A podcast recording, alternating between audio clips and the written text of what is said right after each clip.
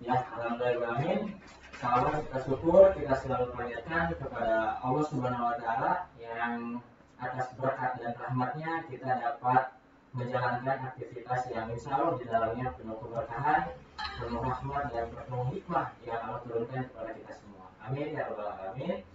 Uh, salam dan uh, salawat kita junjungan kepada Nabi Allah, Nabi terakhir Nabi Muhammad Shallallahu Alaihi Wasallam atas perjuangannya lah kita dapat menjalankan ritual ibadah kita kepada Allah Subhanahu Wa Taala sampai detik ini sampai hari ini dengan tenang dengan nyaman. Maka dari itu ini adalah salah satu sunnahnya kita terus menuntut ilmu tentang agama Allah. Alhamdulillah. Uh, sedikit uh, menginformasikan nih buat teman-teman yang ada di pulau, di luar pulau maupun ada yang di dalam kota juga ada yang di Bandung sedikit menginformasikan bahwa Warga Movement ada program yang luar biasa sekali teman-teman yaitu Quran Maulid. Nah, apa itu Quran Maulid? Quran Quran Maulid itu adalah tuan rumah akan melaksanakan mendistribusikan Quran ke seluruh pelosok Indonesia masjid-masjid yang mungkin tidak layak Qurannya atau ikronya dibaca tapi spirit untuk membaca Al-Quran dan membaca ikro untuk anak-anak yang di luar pulau tersebut itu sangat semangat sekali. Nah teman-teman Walumah akan menjawab semua kekurangan-kekurangan tersebut dengan program Quran Medit yaitu akan mendistribusikan, akan menyalurkan Quran ke seluruh pelosok Indonesia. Nah, buat teman-teman yang ingin bergabung, yang ingin berkontribusi dengan menyebarkan Al-Quran maupun dengan hartanya atau tenaganya bisa teman-teman eh, konfirmasi atau mendaftarkan diri atau ingin menjadi donatur tetap, tetap juga bisa teman-teman. Jadi itu banyak mulai ada ya satu huruf yang anak-anak nanti baca itu pahalanya terus mengalir kepada kita. Maupun kitanya udah mati tetap Quran itu tetap dibaca pahalanya akan terus berkali-kali lipat mengalir kepada kita semua. Nah oleh dari itu saya Nevi mengajak jamaah yang ada di luar pulau Indonesia maupun yang ada di Indonesia yuk kita sama-sama fasta dengan program ini. Tanpa tapi terus mendekat tanpa jarak yang pada akhirnya kita menjadi hamba Allah yang mulia. Nah, teman-teman, ke mana nih teman-teman mendaftarkan diri atau ke mana nih teman-teman mengkonfirmasi jika teman-teman ingin menjadi jembatan untuk timuan umah untuk mendistribusikan Al-Quran? Yaitu nih, catat ya teman-teman nomor teleponnya, konfirmasi 081 321 36 7242. Diulang ya, teman-teman ya. 081 321 36 7242. Nah, buat teman-teman yang ketinggalan untuk mencatat nomor telepon mungkin sama admin nanti dicatat di kolom komentar ya, bisa dilihat di situ.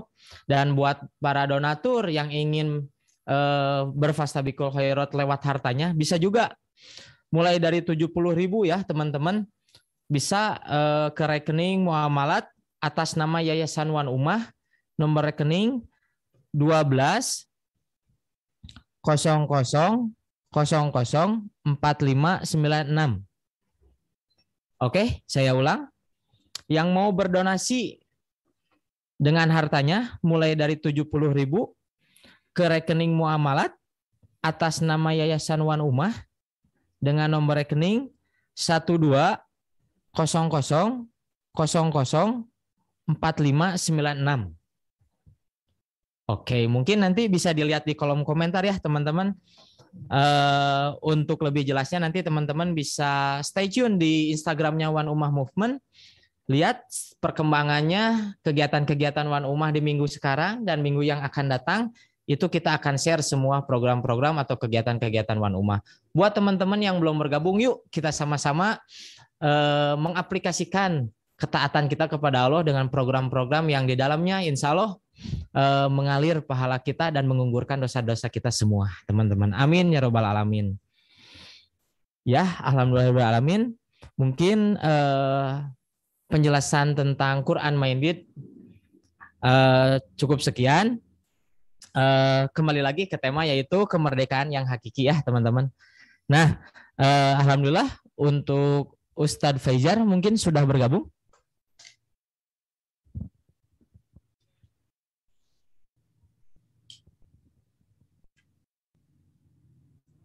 Nah, sambil menunggu Ustadz Fajar bergabung, uh, buat teman-teman yang sudah bergabung di Zoom meeting ini, dipersiapkan alat tulisnya karena adab dalam menuntut ilmu yaitu mencatat uh, intisari dari pemaparan materi yang nanti akan disampaikan oleh Ustadz Fajar. Agak menarik ya, kalau kita lihat uh, Ustadz Fajar ini mungkin uh, ahli di dalam bidang sihir-sihir ya. Jadi eh, tentang rukiah. Tapi di kajian Senenan volume 12 ini beliau akan menyampaikan kemerdekaan yang hakiki.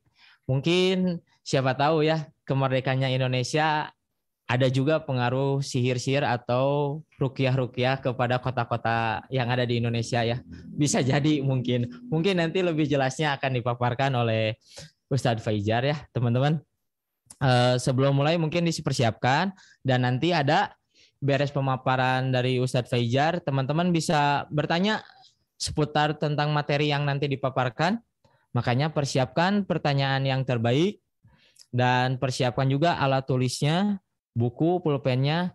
Nah, nanti beres kegiatan kajian Senenan ini, teman-teman bisa memfoto eh, yang sudah diresum di buku teman-teman bisa di-sharekan ke Instagram dan di tag ke One Umah Movement nanti oleh admin di repost. Nah, gitu. Ya, terima kasih juga buat eh, rekan-rekan yang sudah mensupport kajian Senenan ini. Semoga Allah selalu istiqomahkan, selalu Allah mudahkan, dan dilancarkan segala urusannya dan rizkinya. Ya, alhamdulillah mungkin Ustadz Muhammad Faijar Hidayatullah sudah bergabung ya. Ahlan wa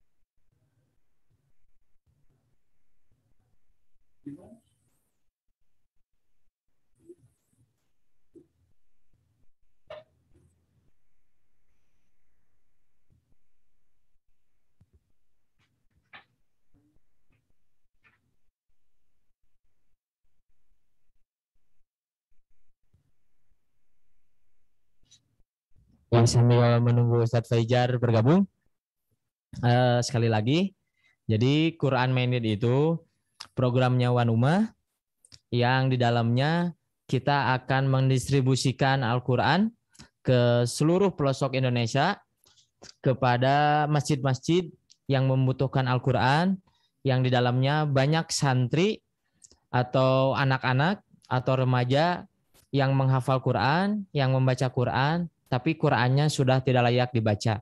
Makanya kita bantu. Nah, dari sini yuk untuk teman-teman yang baru bergabung di Zoom meeting kajian ini dan yang sudah bergabung, reminder kita sama-sama Fastabikul Khairat di dalam program Quran Minded ini ya, teman-teman ya. Jadi kita membaca aja eh, 10 kali lipat pahalanya. Apalagi banyak santri-santri yang membaca dan kita yang mendonasikannya insya Allah menjadi amal soleh, menjadi pemberat timbangan kita nanti di yomil akhir kelak. Amin ya robbal alamin. Alhamdulillah Ustadz Fajar sudah bergabung. Assalamualaikum Ustadz. Waalaikumsalam warahmatullahi wabarakatuh. Alhamdulillah. Sehat Ustadz? Alhamdulillah. Alhamdulillah. Teman-teman kita doakan selalu Ustadz Fajar semoga dilindungi oleh Allah dimudahkan langkahnya, dimudahkan rizkinya, diberikan kesehatan, keluarganya, serta Allah selalu berkahi, eh, ridhoi di setiap langkahnya, di setiap berjuangnya, menyiarkan agama Allah di muka bumi ini. Amin ya robbal alamin. Ustadz, uh, udah siap? Insya Allah. Insya Allah ya, Ustadz. Mungkin uh, tempat dan waktu dipersilahkan untuk Ustadz Fajar dengan bertema kemerdekaan yang hakiki. Tafadol Ustadz. Ya, Bismillahirrahmanirrahim. Assalamualaikum warahmatullahi wabarakatuh. Alhamdulillahirabbil alamin. Wassalatu wassalamu ala asyrafil anbiya'i wal mursalin nabiyina Muhammadin wa ala alihi wa sahbihi ajma'in. Rabbi syrah li sadri wa yassir li amri wahlul 'uqdatam min lisani yafqahu qawli wa ba'du. Ya, pada malam yang berbahagia ini tema kita kemerdekaan ya. Kita akan bahas tentang kemerdekaan yang hakiki. Kemerdekaan yang hakiki kemerdek adalah kemerdekaan hati. Kemerdekaan hati dari berbagai macam perbudakan-perbudakan dan penghambaan-penghambaan kepada selain Allah Ta'ala. Ini adalah seperti yang Allah firmankan banyak sekali di dalam ayat-ayat dalam Al-Quran Al-Karim. Di antaranya ada di dalam surat As-Su'ara. La yanfa'u malu wa la banun illa man atallaha biqalbin salim. Ingatlah hari di mana tidak lagi bermanfaat harta-harta anak-anak kecuali dia orang yang datang kepada Allah dengan hati yang selamat. Menurut para mufassirin, qalbun salim yang dimaksud di sini adalah hati yang selamat dari kesyirikan. Dan ini adalah uh, ada sambungannya juga dari apa yang Allah firmankan dalam surat Al-An'am di ayat 82. Tatkala Allah Ta'ala berfirman, A'udhu billahi minasyaitonir rajim, alladzina amanu wa lam yalbisu imanahum bidhulmin ulaika lahumul amnu wa hum muhtadun yakni orang-orang yang beriman yang tidak mencampur adukan keimanan mereka dengan kezaliman maka baginya tidak ada yang namanya ketakutan. Tidak ada yang namanya kesedihan. Dan mereka akan diberikan petunjuk oleh Allah taala. Nah, ayat 82 ini tentang aladina aman walam yalbisu imanahum bidzulmin ya, itu adalah sambungan atau bisa dibilang ayat yang menutup kisah Nabi Ibrahim alaihi salam. Tatkala beliau itu mendakwahi ayahandanya dan juga umatnya. Wa Ibrahim li abihi azara atattakhidhu asnaman alihah ini araka wa qaumaka fi dhalalim mubin. Dan ingatlah tatkala Ibrahim berkata kepada ayahandanya yakni Azar ya sesungguhnya aku mendapati engkau dan kaummu berada dalam kesesatan yang nyata. Beliau mendakwahi ya, kalau kamu menyembah bintang bintang itu ketika malam berkelip-kelip kemerlapan tapi ketika pagi hilang sudah, sudah tidak ada lagi bekasnya Ya, tentu yang namanya Tuhan nggak mungkin bisa lenyap. Nggak mungkin dia hanya jaga malam saja. Ketika siang hari dia tidak ada. Malam berikutnya melihat ada bulan purnama. Wah ini Tuhan. Ternyata keesokan harinya bulan purnama itu juga hilang, lenyap. Tentu ini juga bukan Tuhan. Hingga akhirnya beliau juga mendakwahkan kepada umatnya ada matahari yang sinarnya jauh lebih terang daripada bintang ke bintang dan juga rembulan di malam purnama. Tapi ternyata tatkala senja juga hilang juga itu matahari. Sampai akhirnya umatnya itu menakut-nakuti Ibrahim. Mereka menakut-nakuti, hati-hati kamu bisa kualat kamu kalau orang kita bilang kualat gitu ya. Bisa celaka, mencela dan meremehkan Tuhan-Tuhan kita. Tapi akhirnya Nabi Ibrahim dengan ketegasannya, harusnya kalian yang merasa takut karena telah menyekutukan Allah. Fa'ayyul fariqaini ahaqqu bil amni. Coba siapa? Coba bandingkan saja. Siapa yang kiranya jauh lebih berhak untuk mendapatkan keamanan, rasa tentram, dan rasa aman dari Tuhan, dari Allah. Saya yang tidak menyekutukan, apa kalian yang menyekutukan? Makanya turun ayat sebagai penegasan dan pelipur lana bagi orang-orang yang bertauhid, yakni mereka yang mentauhidkan Allah, yang mengimani Allah dengan sebenar-benarnya dan tidak mencampur adukan keimanan mereka dengan kezaliman. Nah, kezaliman yang dimaksud di sini adalah kesyirikan. Karena dalam surat Luqman dikatakan ya bunayya la tusyrik billah. Wa id qala luqman li, uh, li, apa? Libnihi ya bunayya la tusyrik billah inna syirka la dzulmun adzim ingatlah tatkala Luqman berkata kepada anaknya wahai anakku janganlah kamu menyekutukan Allah. Inna syirka karena penyekutuan kepada Allah kesyirikan adalah kezaliman yang besar. Dari sini ada titik temunya bahwasanya kezaliman yang dimaksud di dalam ayat 82 surat Al-An'am adalah masalah kesyirikan. Nah, eh, ini juga dijelaskan oleh Ibnu Mas'ud radhiyallahu anhu eh, ketika meriwayatkan sejarah ketika ayat 82 surat Al-An'am ini turun. Lama nazalat alladzina amanu wa lam yalbisu imanahum bidzulmin. Tatkala firman Allah yang berbunyi yaitu orang-orang yang beriman dan tidak mencampur adukan keimanan mereka dengan kezaliman, syaqqa dzalika 'alal muslimin. Ya, maka hal itu terasa berat bagi kaum muslimin. Faqalu maka para kaum muslimin, para sahabat saat itu bertanya-tanya kepada Nabi Shallallahu alaihi wasallam, "Ya Rasulullah, wahai Rasul, ayyuna la yadhlimu nafsah?" Siapa di antara kami yang tidak pernah mendolimi diri kami sendiri? Qal, maka kata Nabi sallallahu alaihi wasallam, laisa dalik innama huwa syirku alam tasma'u ma qala luqman libnihi wa huwa ya'idhuhu ya bunayya la tusyrik billah. Inna syirka la dhulmun 'adzim bukankah apakah kalian tidak pernah mendengar apa yang telah disampaikan oleh Luqman kepada anaknya? Ya tatkala dia itu menasehatinya ya bunai wahai anakku sayang ya la tusyrik billah. Jangan kamu menyekutukan Allah karena uh, karena kesyirikan adalah kezaliman yang besar. Nah, makanya kalau kita kepengen ya dihilangkan rasa takut, kesedihan dan kita juga kepengen dituntun oleh Allah Taala, diberikan hidayah. Hidayah di sini kan yang dimaksud adalah petunjuk sama, oleh oleh Allah Taala ya dalam segala urusan-urusan yang kita sedang hadapi, maka mulailah dengan meningkatkan kualitas ketauhidan kita. Mulailah dengan meningkatkan kualitas keimanan kita kepada Allah Ta'ala. Maka tidak ada sejarahnya. ya Orang-orang yang beriman itu takut dan sedih terhadap perkara-perkara duniawi dan yang menakut-nakuti mereka. Karena pada hakikatnya orang yang beriman itu ya waliullah orang yang beriman dengan iman yang sebenar-benarnya, mereka adalah kekasih-kekasihnya Allah Ta'ala.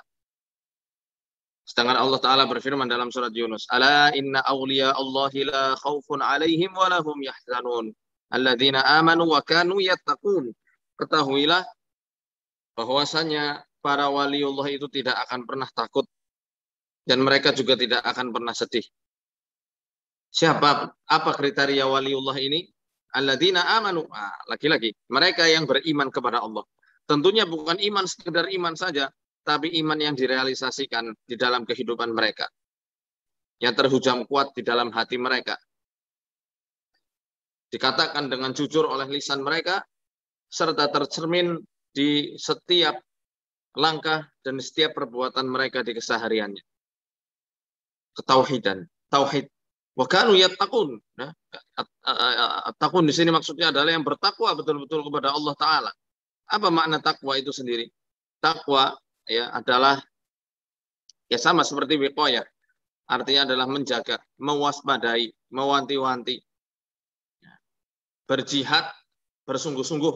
Nah, itu makna dari takwa bersungguh-sungguh supaya tidak terjebak menyentuh pada perkara-perkara yang Allah haramkan. Ya. Nah, eh, di antara keutamaan kita menjaga tauhid kita, ya, hmm,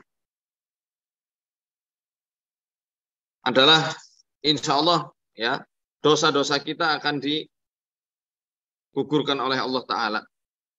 Bahkan eh, siapa saja yang berani menyekutukan Allah Taala, sedangkan dia meninggal masih membawa dosa syirik, maka terancam dosa itu tidak akan diampuni oleh Allah Taala. Ada sebuah hadis dari Abu Darda di mana Nabi Shallallahu Alaihi Wasallam pernah bersabda, ya, kullu bin asallahu an yaghfirah. Setiap dosa manusia Itu semua akan diampuni oleh Allah. Illa man mata musyrikan.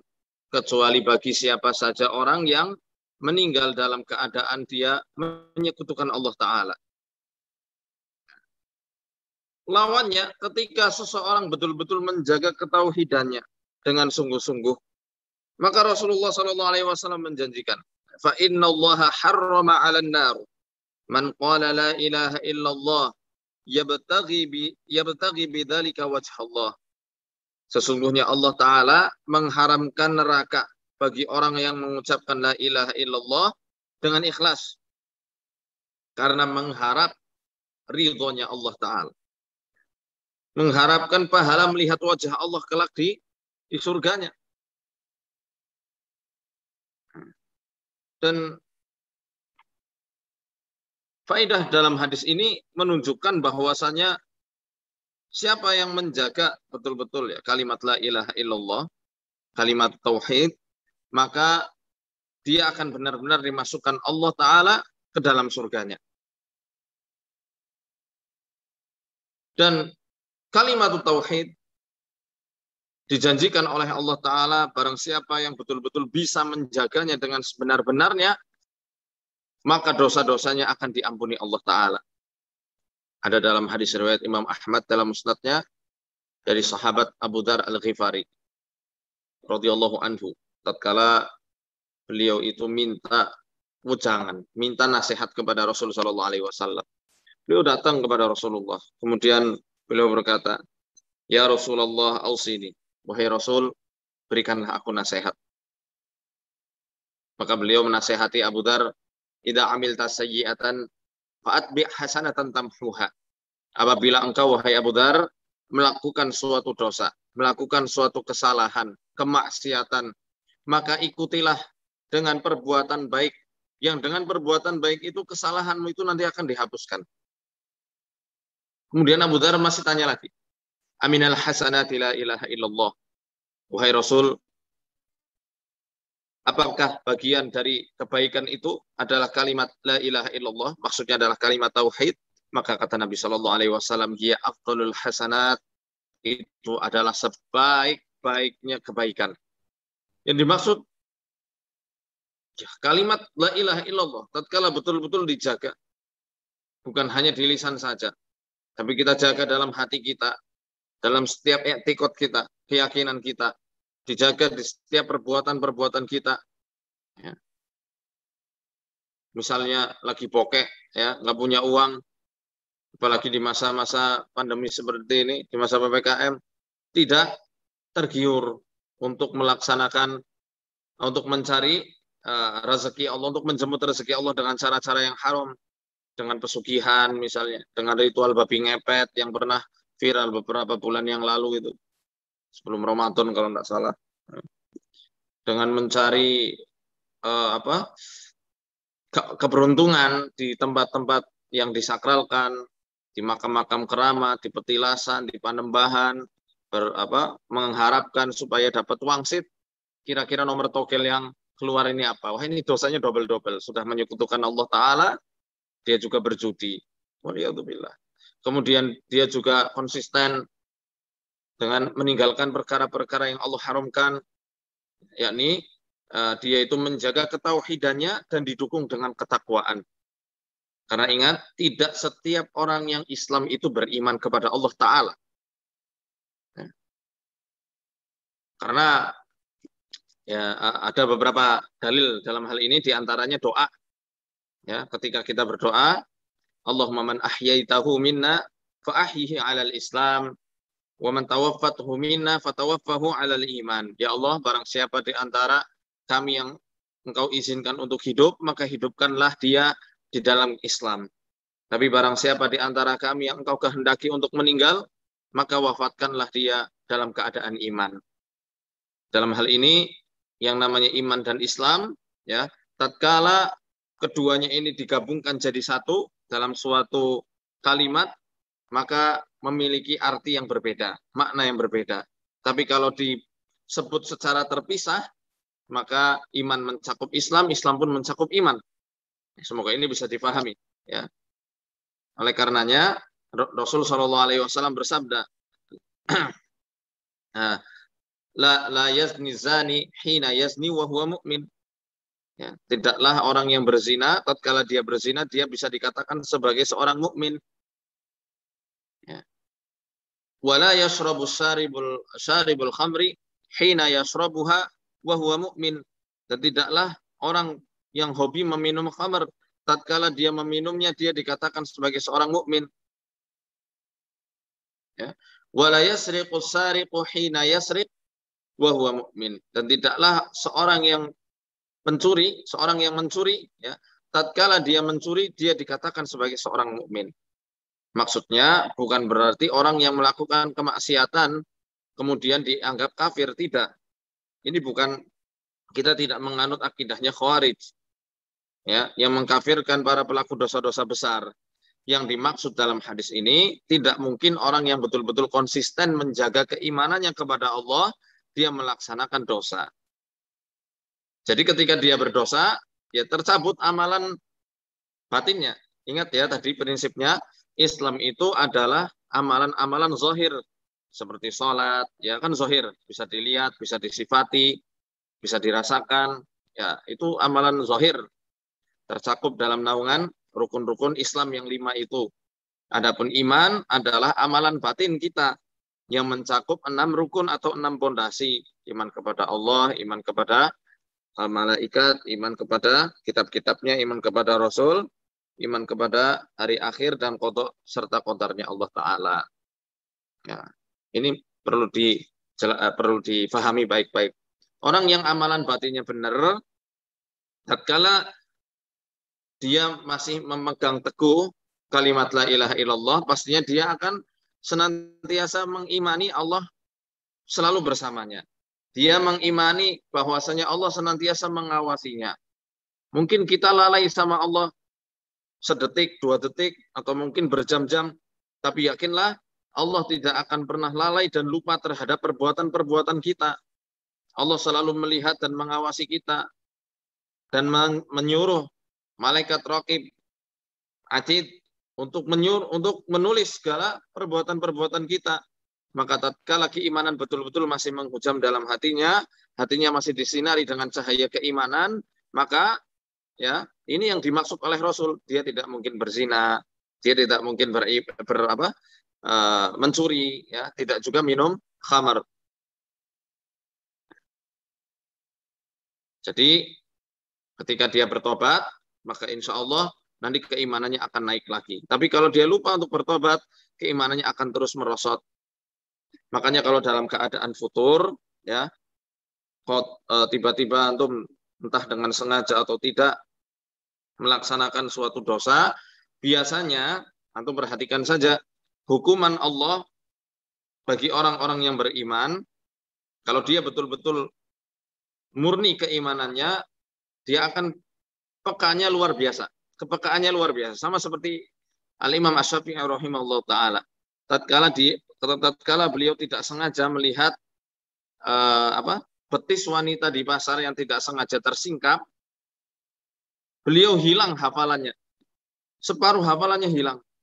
Karena murni keimanannya. Ibaratnya kalau orang ya dalam prinsip Tibun Nabawi, kalau misal organ dalamnya itu masih bersih, tidak banyak toksin atau racun yang mengendap di dalamnya, tatkala ada micin atau mungkin eh, materi-materi buruk yang masuk ke dalam perutnya, maka akan cepat responnya. Mulus-mulus, muntah, diare, ya, atau mungkin demam, atau mungkin uh, tenggorokannya jadi gatel. Tapi kalau orang yang sudah keseringan makan micin, sudah keseringan, uh, sudah banyak toksin-toksin yang menumpuk di dalam tubuhnya, mau dia makan micin kamu dia makan hal-hal yang kurang baik, uh, responnya pun kurang. Demikian juga orang yang beriman. Kalau dia jarang berdosa, senantiasa membersihkan hatinya dengan tazkiyatun nafas, dengan evaluasi atau muhasabah, senantiasa menangisi dosa-dosanya di sepertiga malam, tatkala dia melaksanakan suatu dosa saja, maka insya Allah cepat sekali sinyalnya itu. Biasanya dia akan ter, akan terasa ketika dia bermunajat sama Allah hilang rasa manisnya dia ketika bermunajat. Ketika berdoa, ketika sholat kurang kekhusuannya, ketika baca Quran jadi kurang, dia untuk bisa mentadaburinya. Tapi bagi orang-orang yang lalai, biasanya akan Allah ulur-ulur. Ini yang dinamai dengan istidraj. Satu kemaksiatan akan melahirkan kemaksiatan-kemaksiatan yang lainnya. Ya. Satu maksiat nanti dimudahkan kepada maksiat yang lain. Ini kalau tidak disapih, disapih tahu ya, tidak di ya ibaratnya bayi yang disapih dari ibunya, jiwa kan seperti itu. Maka dia akan terus-menerus mengikuti dan mengekor kepada hawa nafsu dan kemaksiatan-kemaksiatan itu. Inilah pentingnya ketauhidan, karena tauhid ini juga menyangkut kepada kepekaan rasa kita untuk senantiasa di, merasa diawasi Allah Ta'ala. Jadi barang siapa yang dengan konsisten dia mengucapkan kalimat la ilaha illallah, ya maka ingat apa tadi yang dikatakan oleh Nabi kepada Abu Dhar, dengan perkara itu insya Allah dosa-dosanya akan dihapus. Dengan perkara itu dia konsisten mengucapkan la ilaha illallah karena ingin mendapatkan kenikmatan melihat dan memandang wajahnya Allah kelak di surga, maka insya Allah dia masuk surga berkat kalimat la ilaha illallah yang secara konsisten dia jaga di dalam kehidupannya. Ya, walaupun tidak ada orang yang memandang, yang namanya tauhid itu tidak bergantung ada orang yang melihat atau tidak. Yang namanya ketauhidan kita tidak bergantung apakah mayoritas orang mentauhidkan Allah atau bahkan kafir atau bahkan musyrik. Tetap ini adalah prinsip yang harus dipegang dengan sebenar-benarnya. Ingat bahwasanya Nabi Musa alaihissalam suatu ketika pernah berdoa sama Allah Ta'ala. Ya ya Rabbi alimni syai'an ad'uk adkuruka bihi wa ad'uka bihi.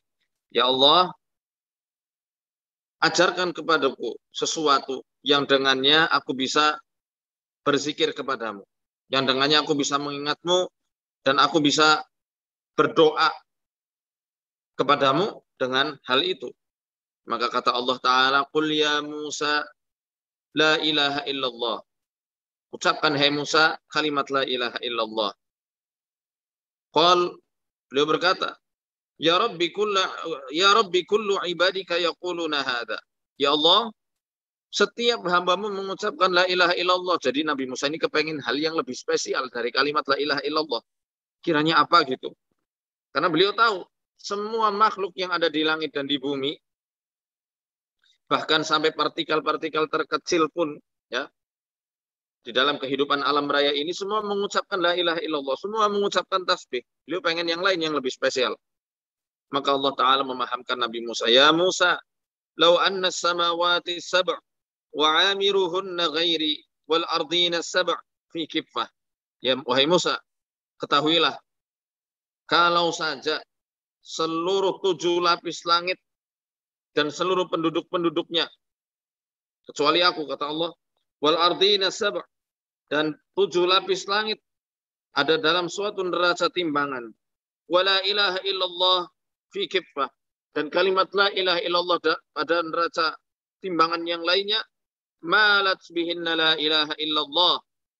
Niscaya akan condong neraca yang uh, apa? Yang ada kalimat la ilaha illallah ini.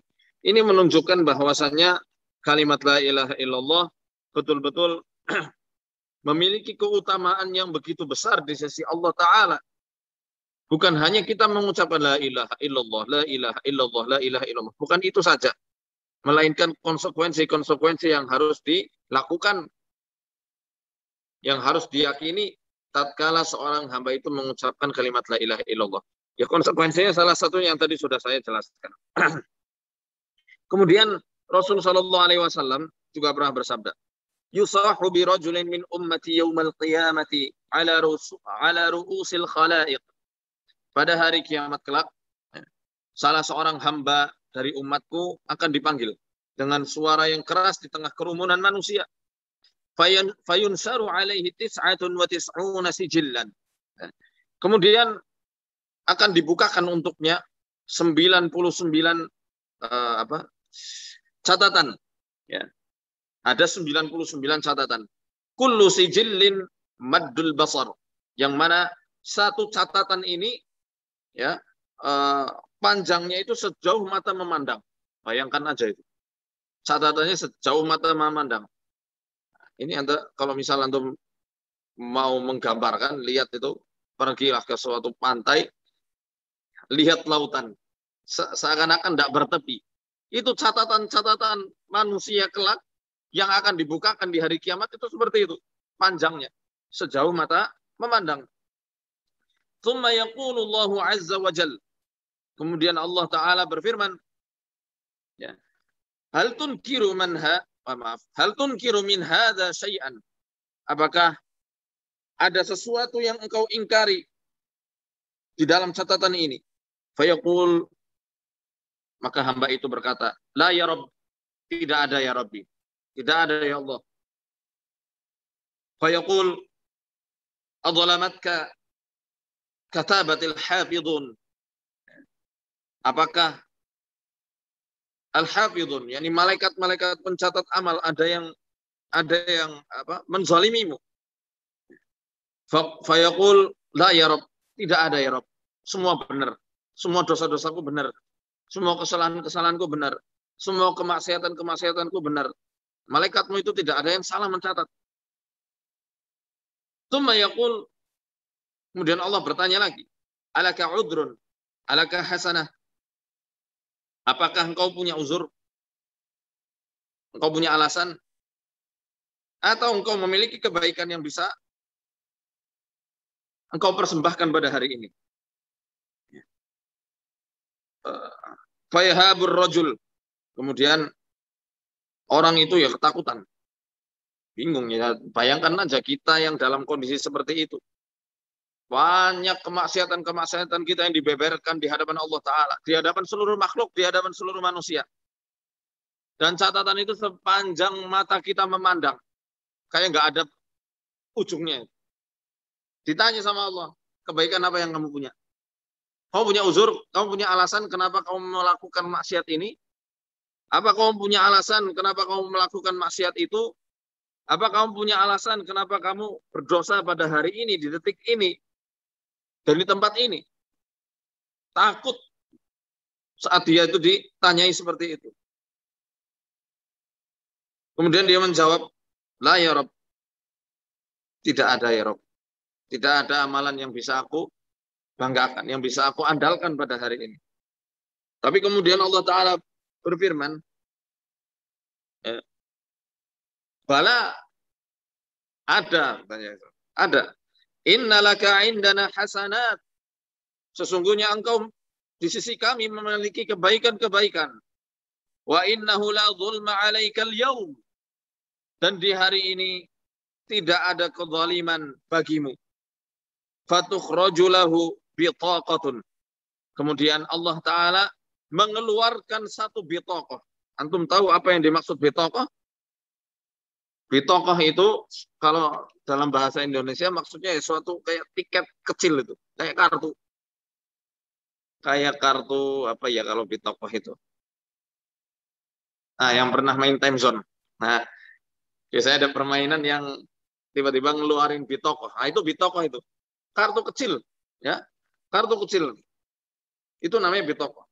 Fiha yang di dalamnya tertulis asyhadu alla ilaha illallah wa anna Muhammadan abduhu wa rasuluh. Aku bersaksi tidak ada Tuhan selain Allah dan bahwasannya Muhammad adalah hambanya dan juga rasulnya. Qal uh, fayaqulu ya Rabb ma hadhihi al-bitaqatu ma'a hadhihi sijillat. Ya Allah, dia langsung spontan berkata, bertanya sama Allah Ta'ala, apalah artinya sebuah kartu ini jika dibandingkan dengan catatan-catatan keburukanku yang banyaknya, yang sampai catatannya itu sepanjang mata kita memandang. Seperti tidak ada ujungnya. Eh, itu mau di mau dibandingkan dengan kebaikan yang ada pada satu kartu itu. Satu tiket kecil itu. Apalah artinya ini ya Allah katanya. Kemudian eh, laki-laki. Satu masuk surga karena lalat, ya. Satu lagi masuk neraka juga karena lalat. Ini unik ini. Jadi ada dua orang laki-laki melintasi suatu perkampungan. suatu negeri.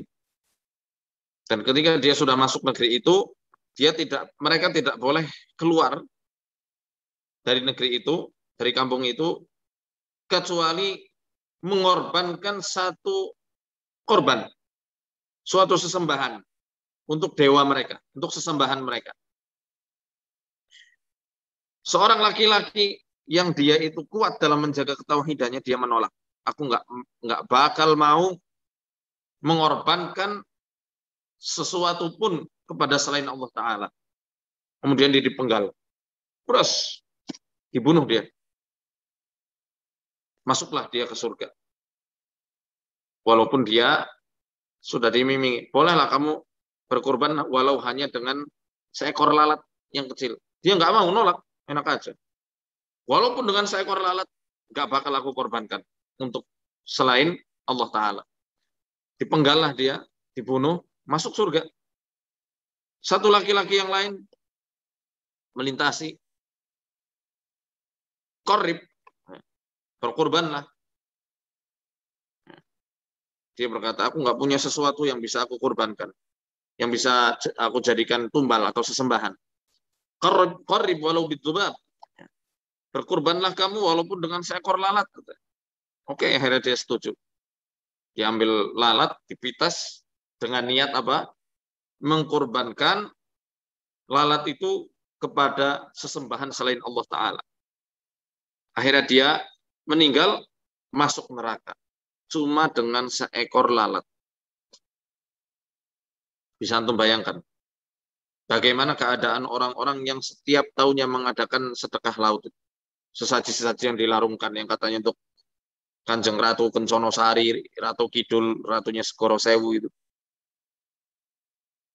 Kepala kebo disembelih, dipersembahkan ke dia.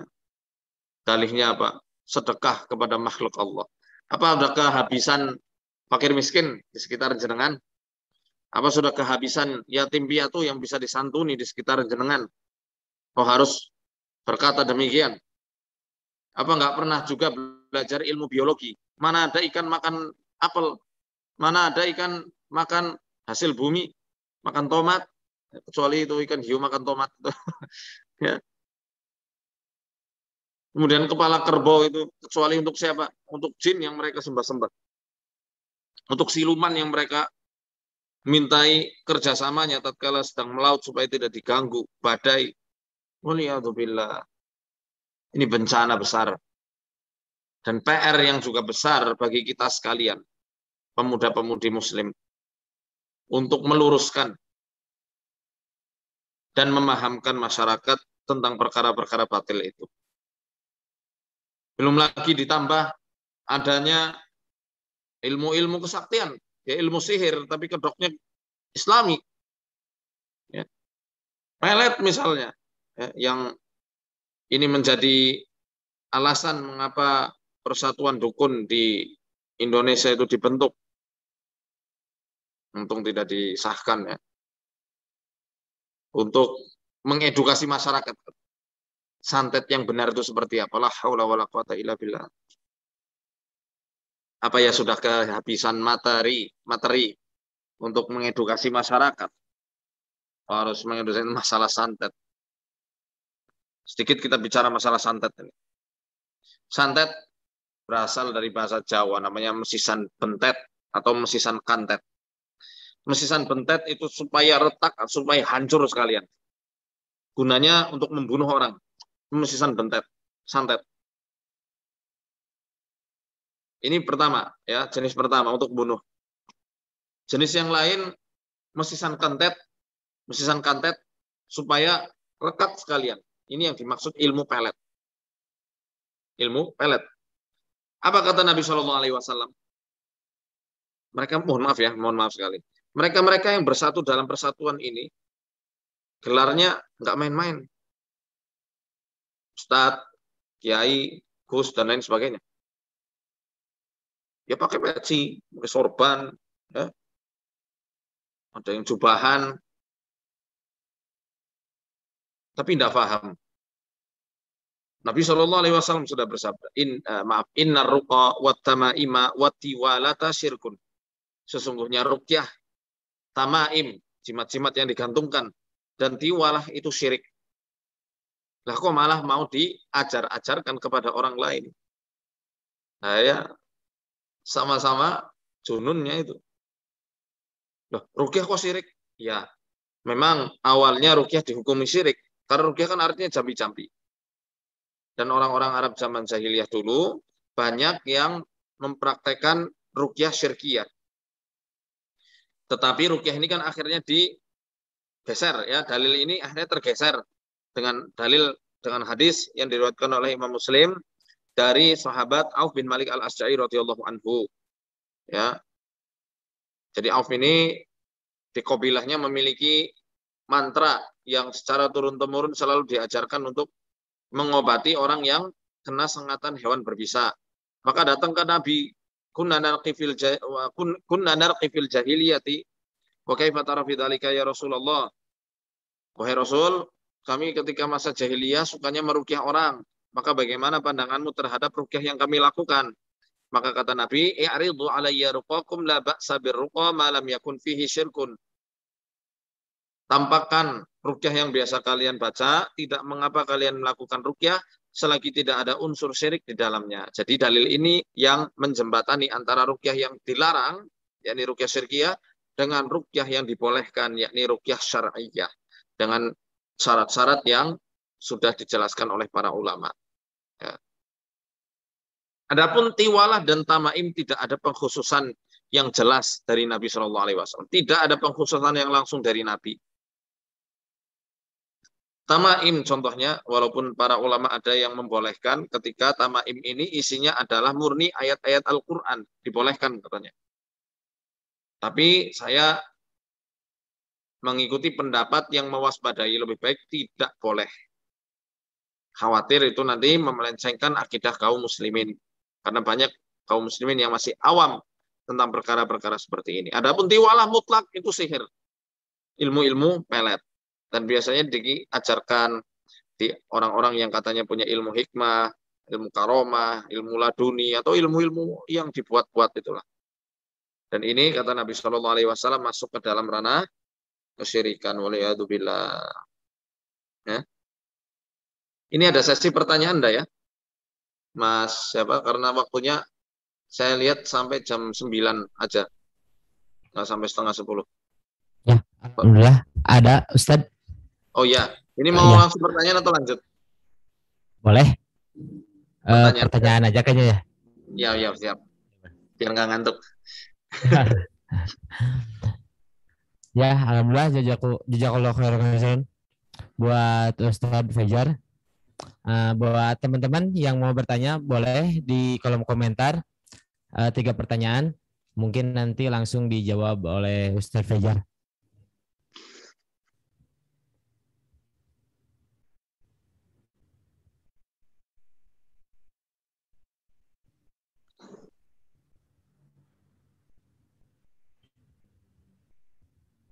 Ya.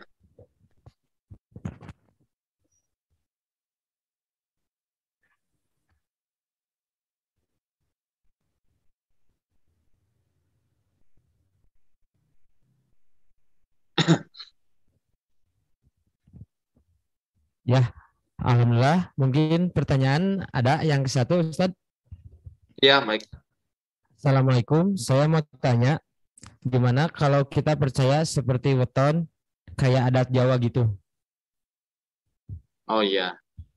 Tenang beton supaya uh, khawatir apa? Kualat begitu ya? Ya, kayaknya Ustaz. Kalau weton, weton ini atau asal usul sejarahnya ini panjang ya. Kemarin sudah dibahas di channel YouTube saya. Jadi saya bahas dari sisi akidahnya ya, yang sudah apa? Banyak akidah-akidah yang sudah melenceng di antara kaum muslimin Jawa yang percaya tentang perkara weton. Katanya weton ini kan biasanya itu di ini di apa di hitung-hitung nih. Misalnya nama pengantin fulan dengan fulanah. Nanti dihitung jumlahnya berapa, ketemu berapa, dibagi berapa. Nanti akan ketemu pati, ketemu apa-apa-apa gitu ya, ada banyak lah ya. Kalau misal pas bilangannya maka akan beruntung. Tapi kalau tidak pas maka salah satunya nanti di tengah perkawinan ada yang sakit-sakitan, ada yang meninggal misalnya, ada yang rezekinya seret. ini yang semacam ini sudah termasuk tatoyur.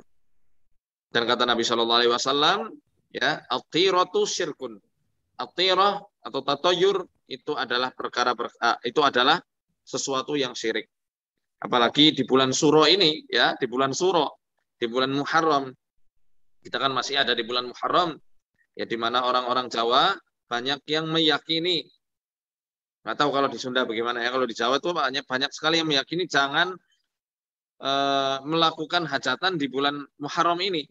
Khawatir kalau-kalau hajatan di bulan Muharram nanti akan kualat, akan mengundang kesialan. Ingatlah kata Nabi Shallallahu Alaihi Wasallam, "Man roddat hutiratu an hajatin fakod asroka." Barang siapa yang dia itu mengurungkan sesuatu, ya, suatu keperluan karena adanya anggapan sial, maka dia telah menyekutukan Allah Ta'ala. Jadi tatoyur itu awal mulanya, awal mula sejarahnya, kenapa kok disebut tatoyur? Jadi orang Arab dulu itu kalau mau safar, dia akan mengambil burung putih. Atau burung lah ya, burung.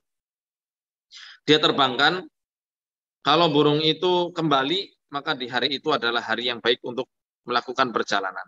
Tapi kalau burung itu tidak kembali, maka hari itu adalah hari yang buruk untuk melakukan perjalanan dan melakukan transaksi perdagangan. Akhirnya dia urungkan niatnya. Ini per, eh, termasuk perkara tatoyur dan ini masuk ke dalam ranah kesyirikan. Seperti itu ya. Allah alam sahab. Uh, Alhamdulillah tadi pertanyaan ke satu udah terjawab ya teman-teman. Uh, Masya Allah sekali. Pertanyaannya, eh jawabannya Uh, sama pertanyaannya, alhamdulillah Ustadz banyak juga ini. Tapi nanti kita pilih dulu ya untuk Siap. tiga pertanyaan biar lebih menyikat waktu. Jadi buat teman-teman yang nanti kurang puas dengan jawabannya dengan waktu yang singkat, mungkin nanti bisa bertanya langsung ke kolom komentarnya di YouTube-nya Ustadz. Ya, kalau enggak di Instagramnya, ya tadi ya bisa ya. Insya Allah. Insya Allah ya nanti. Oke, okay. Bismillah. Ada pertanyaan kedua Ustadz? Ya. Apakah bisa konsultasi atau berobat langsung mengenai jin yang susah keluar? Kalau berobat untuk saat ini kita belum menerima ya eh, Bapak belum berkenan untuk menerima tamu dari luar kota jadi mohon maaf baik saya maupun tim Arsadaya Daka masih belum membuka pengobatan. Tapi dari segmen MFO Menyapa Rumah membuka kesempatan untuk muslimin dan muslimah yang tinggal di wilayah Perlimas Cakep, Banjarnegara, Purbalingga, Banyumas, Cilacap, dan Kebumen. Untuk sementara waktu itu, nanti tunggu uh, kunjungan kami di kota-kota antum. Ya. Nanti kalau PPKM sudah selesai ya, kita doa bersama supaya pandemi cepat berakhir. Amin. Amin ya rabbal alamin Ustaz. Oke, mungkin uh, yang kedua sudah terjawab ya. Mungkin untuk pengobatan-pengobatan hanya ada kota-kota tertentu yang tadi sudah dijelaskan oleh Ustadz. Mungkin untuk kota-kota yang di luar tadi disebutkan bisa ditunggu atau bisa terus konsultasi kepada kontak person. Ya. Atau enggak nanti ada tips-tips ada di YouTube-nya Ustadz Fajar. Bisa langsung diikuti. Pertanyaan ketiga Ustadz. Ya. Bagaimana pandangan Ustadz tentang buku Isa Daud yang dialog dengan jin muslim? Kalau buku dari Isa Daud beliau itu kan bukan ulama ya jadi mohon maaf beliau, beliau hanya seorang wartawan kalau nggak salah atau reporter gitu. Dan isinya itu tidak bisa dipertanggungjawabkan kesohihannya. Jadi banyak fitnah di situ dan juga banyak sekali tahdir dari para ulama. Di antaranya guru kami Fadilatul Syekh Wahid Abdul Salam Bali dan beberapa ulama-ulama lain yang mentahdir uh, isi dari buku itu. Jadi tidak tidak bisa dibenarkan. Karena banyak sekali itu omongan-omongan jin yang tentang segitiga bermuda dan lain sebagainya itu tidak ada landasannya. Karena kita berbicara masalah goib kan harus berlandaskan Quran dan juga Sunnah. Mungkin seperti itu. Apalagi goib mutlak gitu ya. Goib mutlak. Ya, jadi pandangan Nah. saya hati-hati terhadap buku itu. Alhamdulillah. Nah, mungkin buat teman-teman yang di luar sana bisa jadi note untuk buku itu mungkin hati-hati ya. Oke. Eh, pertanyaan berikutnya terakhir ya, Ustadz. Gak Siap. apa-apa Ustadz. Nah, apa? Soalnya banyak yang ingin ditanyakan nih kayaknya nih.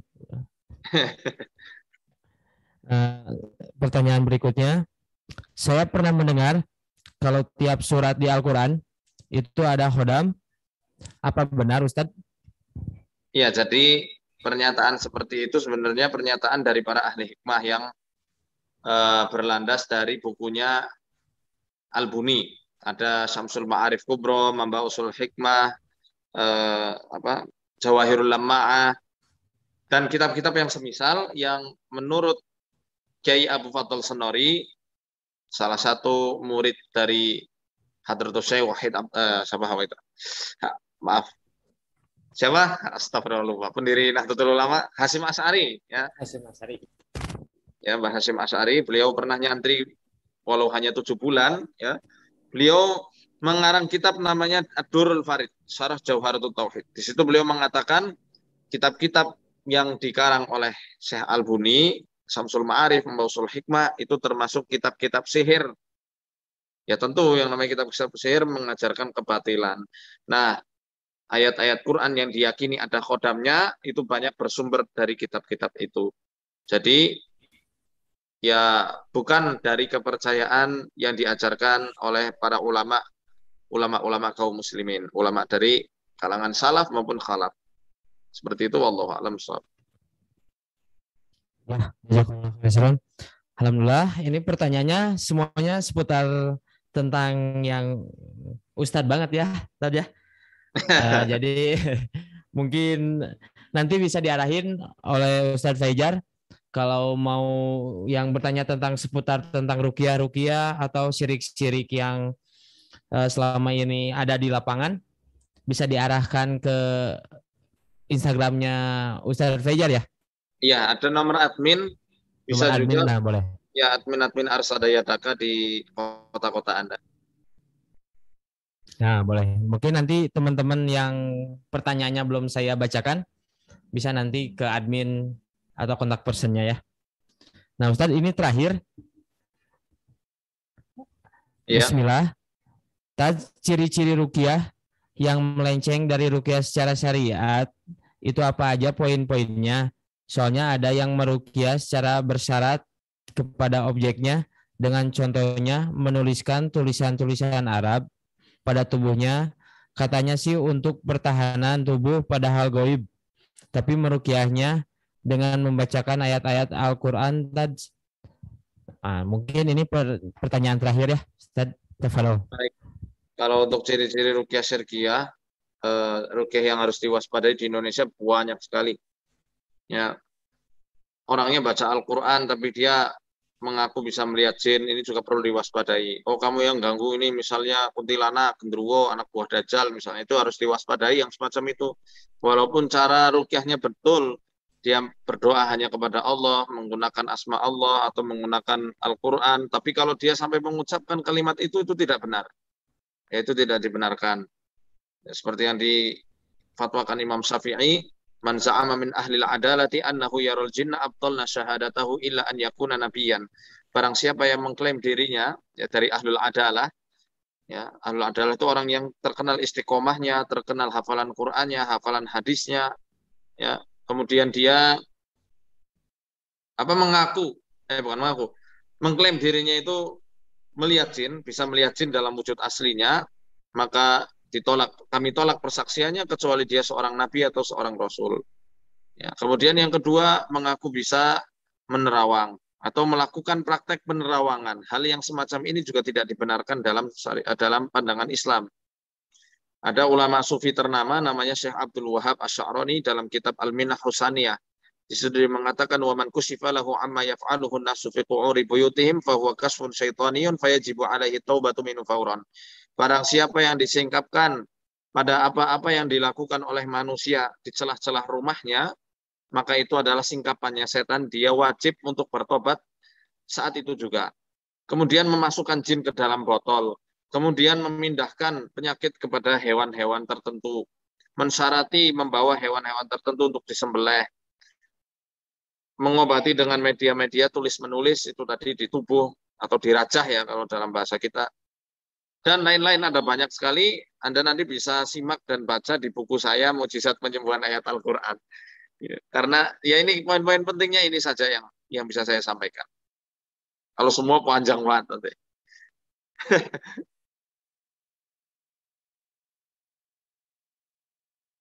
dan jazakumullah khairan kasiran buat uh, Ilwafilah yang sudah menanyakan. Alhamdulillah juga ini masih terus yang banyak menanyakan. Mungkin nanti kita panggil lagi sesi part 2 ya kepada Ustadz Fajar khusus nanti dengan berteman uh, rukiah ya.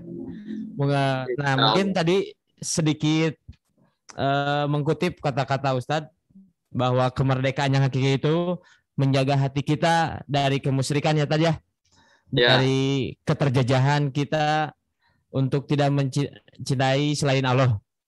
Tapi yang diharuskan untuk menjaga ketauhidan kita, untuk menjaga keimanan kita agar kita tetap terus terjaga dari hal-hal yang dimurkai oleh Allah.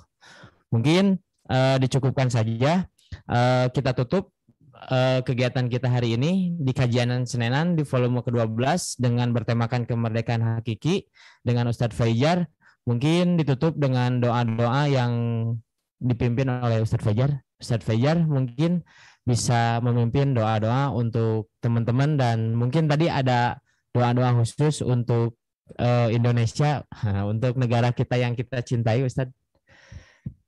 Baik. Kita istighfar bersama-sama. Astagfirullahaladzim wa atubu ilaih. Astagfirullahaladzim wa atubu ilaih. Astagfirullahaladzim wa atubu ilaih. Alhamdulillahi rabbil alamin. Hamdan yuafi ni'ma wa yukafi umasidah Ya Rabbana lakal hamdu.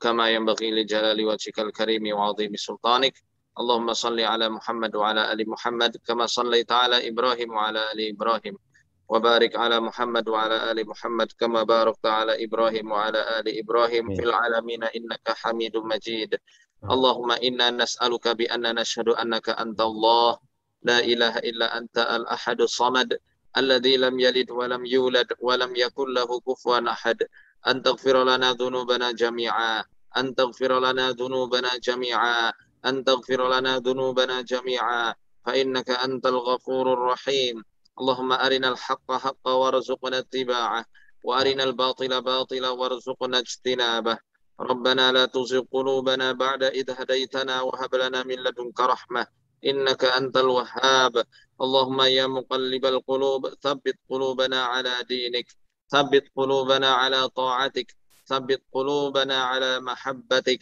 اللهم اغفر لنا ولوالدينا وارحمهما كما ربونا صغارا. الله ربنا آتنا في الدنيا حسنة وفي الآخرة حسنة وقنا عذاب النار وصلى الله على نبينا محمد وعلى آله وصحبه وسلم والحمد لله رب العالمين. Alhamdulillah Ustaz. Uh, mungkin uh, nanti kita bisa bertemu kembali Ustaz. Amin. Uh, ya, alhamdulillah. Uh, kita sudah mencapai ke ujung acara kita.